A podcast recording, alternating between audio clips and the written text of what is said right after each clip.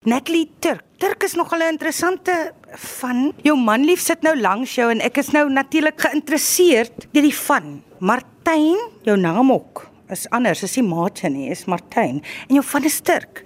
Is daar geskiedenis agter daai van? Dis 'n oorspronklike Duitse van, uh van Turkheim was die oorspronklike van. En uh by oeroupa in 1820 het gekom om die uh Maatjiesfontein tuberkulose hospitaal te kom werk of te kom begin. Ek weet nie wat die geskiedenis daarvan is nie. En hy raak toe verlief op 'n Cameron meisie wat 'n pasiënt is van Skotland. En toe hy gaan ouers vra, toe sê die Skotse ouers, die nobleman sê toe uh die van klinkie lekker hier. Toe sny hulle die von in die heim af en toe verloor hy sy baronskap van die familie en en dit dit was 'n Turg, T U R C H. En die Namakolanders kon nie daai Turg gesê kry nie en toe het hulle die H K gemaak en dis die van Turk. Die vallei in Swellendam is bekend as die wat was bekend as die grootste youngberry produserende area in die wêreld. Meer onlangs net een van die grootste braam blackberry produserende areas. Nou die braam lyk kan as hy wild gaan, hy begin rank en hy begin oorneem en toe begin kom ons op die naam wilde braam. Netlik kan hom nou reg help as ek hier daar feitelik verkeerd gaan, maar dit is nadat die vrugtesapfabrieke vir ons te, swak pryse aangebied het. Hulle sê toe vir ons take it or leave it. Toe sê ons vir hulle, you know what? leave it. Toe begin Natalie hulle met uh mengsels met uh, kain spirits met uh witblits en met mampoer en met brandewyn en gedistilleerde alkohol totdat ons ons resep gefinaliseer het. En toe die eerste skou wat sy gaan hou daar in die Transvaal was daar gewees met een bottel 'n Youngberry likeur en die hele dele 'n Youngberry likeur reeks. Nou het hy nou geboorte gegee nog 10 likeurs. Die chutneys is omtrent relies is omtrent so 15 en dan is daar nog 'n reeks konfyte en dit is as gevolg van die feit dat ons as boere net gesê het ons is die prysnemers nie ons gaan ons eie in dit dis ontstaan van 'n hele nuwe ding gewees dat nooit tevore so 'n lekeer bestaan nie en dit is gevolg van daai dag. Een van ons belangrikste skoue oor die jare en ons is was meer as 15 jaar nou al met hulle betrokke is die die Suid-Afrikaanse Kaasfees. Baie lief vir daai fees want die atmosfeer is verskriklik lekker. Die mense is almal so gesellig en goed en bereid om te proe jy daar's baie mense wat proe so jy is 'n lang dag. Ja. Maar weet jy, as baie studente ook, maar dis ons toekomstige kliënte. In die begin was dit ehm um, weet ons was ons nie in winkels nie, maar soos die jare nou verbygegaan het, was kon ons nou vir die mense nou begin verwys het. Jy kan dit nou hier proe, want dit is 'n geleentheid wat jy net op 'n ander plek gaan kry nie. En so het dit vir ons gehelp om elke jaar meer en meer te groei. Elke jaar het ons nou groot handelaars ontmoet wat die konfyte en die relishes nou toe nou wil aanhou in hulle winkels wat nou weer ons in staat gestel het om weer te groei. Kan jy my verduidelik daar's 'n hele proses nê nee, wanneer mens pluk? Jy pluk op 'n sekere manier. Jy pluk baie versigtig. Want daar is verskriklik baie dorings aan die plante. Die blackberry het groot dorings wyer uit mekaar uit, maar die youngberry se dorings is sulke fyn doringkies al langs die loot en daai lote word gevleg Jy pluk hulle met twee vingers. Daar is van hulle wat so 1 1 1 pluk, ander vat sommer 2 3 4 op 'n slag en sit hulle in hulle mandjie. 'n Plikker kan gewoonlik in 'n 6 weke periode min of meer 'n ton spesies pluk. Die bessies wat in hierdie area verbou word is die Youngberry en die Blackberry. Dit is eintlik baie interessant want die Youngberry is eintlik die oudste kultivar. Hulle het die eerste plantjies oorgebring van Australië in die 1940s. Maar daai plante is eintlik um, gekweek deur 'n Amerikaanse man met die van Young. En wat hy gedoen het is hy het 'n 'n blackberry of die swart bessie en die raspberry framboos het hy net toe geneem en gekruis en toe kry hy wat hy nou genoem het 'n youngberry. Die kultivar is spesiaal gekweek vir die warm suidelike halfronde se weeromstandighede. En hy het sy eerste plantjies in Australië gaan toets, maar hy het nie in ag geneem. Dis baie warm, maar daar niks water daar nie.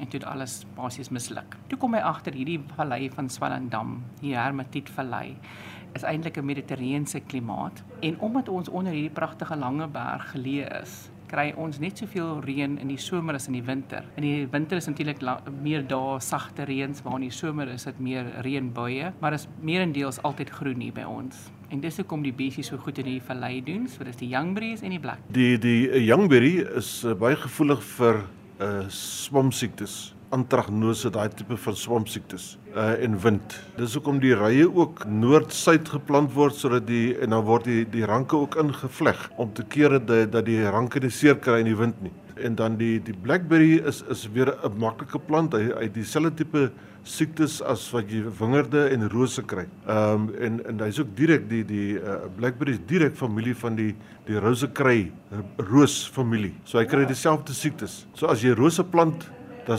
en hulle word siek dan moet jy weet jy moet spuit. Ons spuit nie uh, enige chemikaliese goed op die op die blackberries nie. Die uh, interessante storie van die van die blackberries is is ons bolwurms. Almal spuit gedurig vir bolwurms. Is so kort groenetjie, seker so 'n duim en 'n half lank. En as jy bessies pluk dan is as jy die krat sien, is daar maar 2 of 3 bolwurms elke krat wat jy pluk. En en ons het net nie bolwurms nie. Ons het toe gedog maar as want ons rivier in die oorkant is van of ons land in die oorkant van die rivier is, hulle nie kan nie swem nie. En ek was later bekommerd. Ek het in die nagte gery uh om om te gaan kyk of van die motte is nie want daar moet wurms wees. Almal spuit vir wurms en ons spuit nie. Ons ons kry net nooit wurms in ons bessies nie. Min, baie minder. Toe kom ons agter maar dit is om met die ander ons spuit vir die die, die bolwurm en die spreeus eet die vergiftigde wurms en dan gee pat hulle, hulle of hulle word siek. Ons het baie spreeus. En die spreeus sorg vir ons springkyntjies. Klein hierdie klein groen springkyntjies so lopertjie en die en die wurms. So as jy Johanne klap in die lande dan styg hierdie swerm speels op en dan beheer hulle vir ons die wurms. Jessie, ek moet nou sê dis geluk by die ongeluk eintlik ja, so ja. half, ja. né? Nee, hierdie hele proses, die konfyt proses, ek weet julle het julle geheime, maar is daar 'n sekere manier hoe julle dinge doen? Al ons konfyte en chili relishes en chutneys is met die hand gemaak.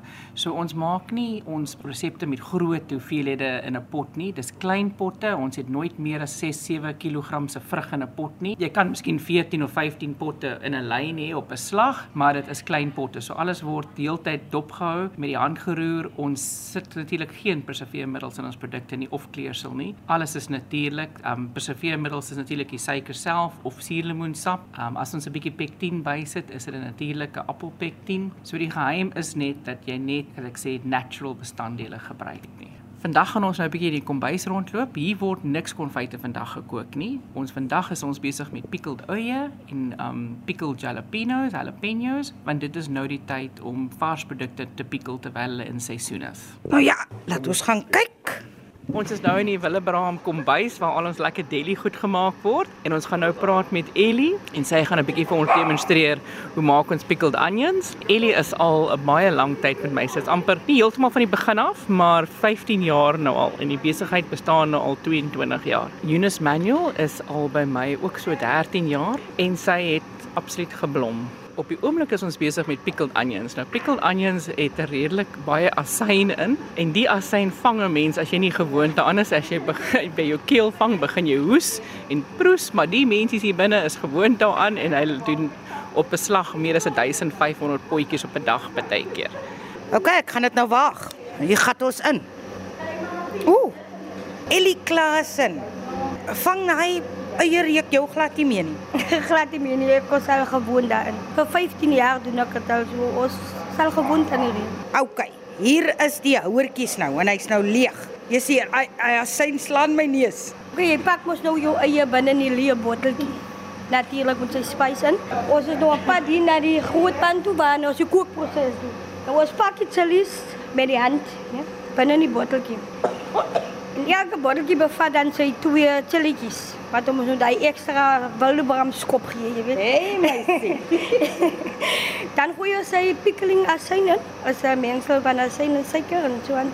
En dan sit ons hom binne in die pot, in die warm pot. En uh, wanneer ons dan nou sien hy is warm genoeg, dan haal ons hom uit. En dan vat ons 'n bottelmes en steek ons hom net in die kant om daai ligborrels uit hom uit te kry.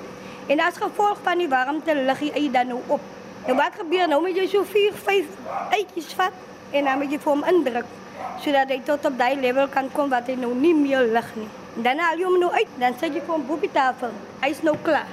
Hy's klaar gekook. Nou vat jy twee eitjies omdat hy nog bietjie gelig is onder. Mm. Wat gebeur as jy nie iets gaan indruk wat hom gaan balanseer laat hy afgaan nie, dan gaan hy in die lug bly hang. So jy vat nou daai twee eitjies, as jy kan meer insit afhangende van hoe hy voel. Jy kan voel hy is nou reg gebalanseer Nou vat jy die deksel en daai is 'n uitdagende proses vir mense wat nou nie weet nie want jy kan nie net die deksel vat en die deksel gaan opdraai nie. Dit gaan nie werk nie. Kyk, dit is 'n safety button die deksel. Dit is 'n safety button. So jy moet met hom baie mooi werk. Jy druk hom. Dan gaan jy hom twee keer terug en dan bring jy hom terug. Nou sy toe. En dan word hy nou omgedraai omdat hy 'n safety button het. Moet jy hom omdraai sodat hy safety button kan intrek en die potjie dan ook kan seël van die warmte. Ja. Wat kan fout gaan? Dan kan daar lig ingaan en jou potjie gaan outomaties gaan hy gis. So wat gebeur nou wanneer hy koud raak dan gaan hy button in. Sodat ek op hier potjie wys dan kan jy sien waarvan ek praat. As hy ingaan dan lyk hy so. Hy's nou reg. Wanneer hy button uit is dan jy weet hy is nie reg. Ja, se fout. Was al foute. Ja, oor jare het ek al 'n paar foute gemaak, maar nie baie nie.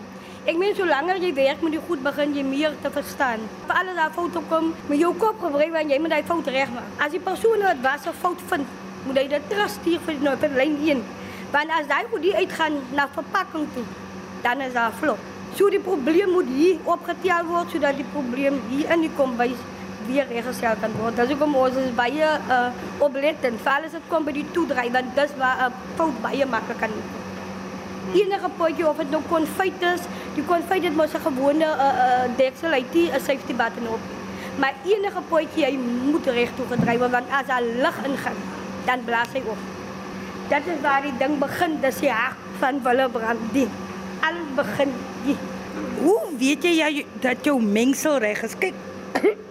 Luisteraars nou maar verskoon van asynreuk is is kwai, maar hoe weet jy dis reg? Jou verhouding van asyn tot suiker of wat ook al. Ons het 'n spesifieke resep wat ons volg. Uh, wat 'n geheim is natuurlik. Wat 'n geheim is natuurlik ja, maar wat die geheim is van die asyn. Die kookasyn en die pikkelasyn, so die pickling um Spanish pepper, die pickle onions, goed wat gepikkel word, die chilies en daai tipe van goede. Daai asyne kan nie dieselfde wees nie. Hoekom nie? Die asyne het 'n tipe persentasie. Nou wanneer ons pikkel gebruik ons om op 5% en wanneer ons kook gebruik ons om op 4%. Mm. Alles wat ons doen is waarom omdat wanneer ons steriliseer doen ons dit in 'n oond soos wat jy nou by die huis sou doen. Jy gaan hom in 'n oond sit om jou potjie te steriliseer, maar ons doen hom met 'n uh, 'n tipiese steriliseringsmiddel. Jy wanneer jy potjie optel en Johannes kan met jou versigtig hou. Dis hoekom ons altyd moet handskoene wear. Ons werk nie sonder handskoene binne die plekkie want al dan jy vat is warm. Maar ek geniet dit. Dis waarom ek opstaan so so om inderdaad te doen. Nou is ons weer in die verpakkingsdeel, Natalie. Ja, ons is nou hier met Eunice Manuel. Sy is al ook baie lank by my. Alles draai om haar hierso want sy is die een wat sorg dat al die produkte reg gelabel word, dat al die verpakkings aan mekaar gesit word, al die sell-by dates. Eunice Manuel, kom ons gesels bietjie. Hier in my area doen verpakkings weg, dan is ek besig om my polokaal te pak en daarna uh, gaan ek na my salesore om dit te doen. Youngberry te label, strawberry te label. Jy moet gaan koop hier, veral in die area waar ek is, moet jy gaan koop. Maar hulle sê jy jy's rats, jy's baie vinnig. Ja, ek is baie vinnig. Ek het dit kom leeg en ek kan nie op vinnig wees nie.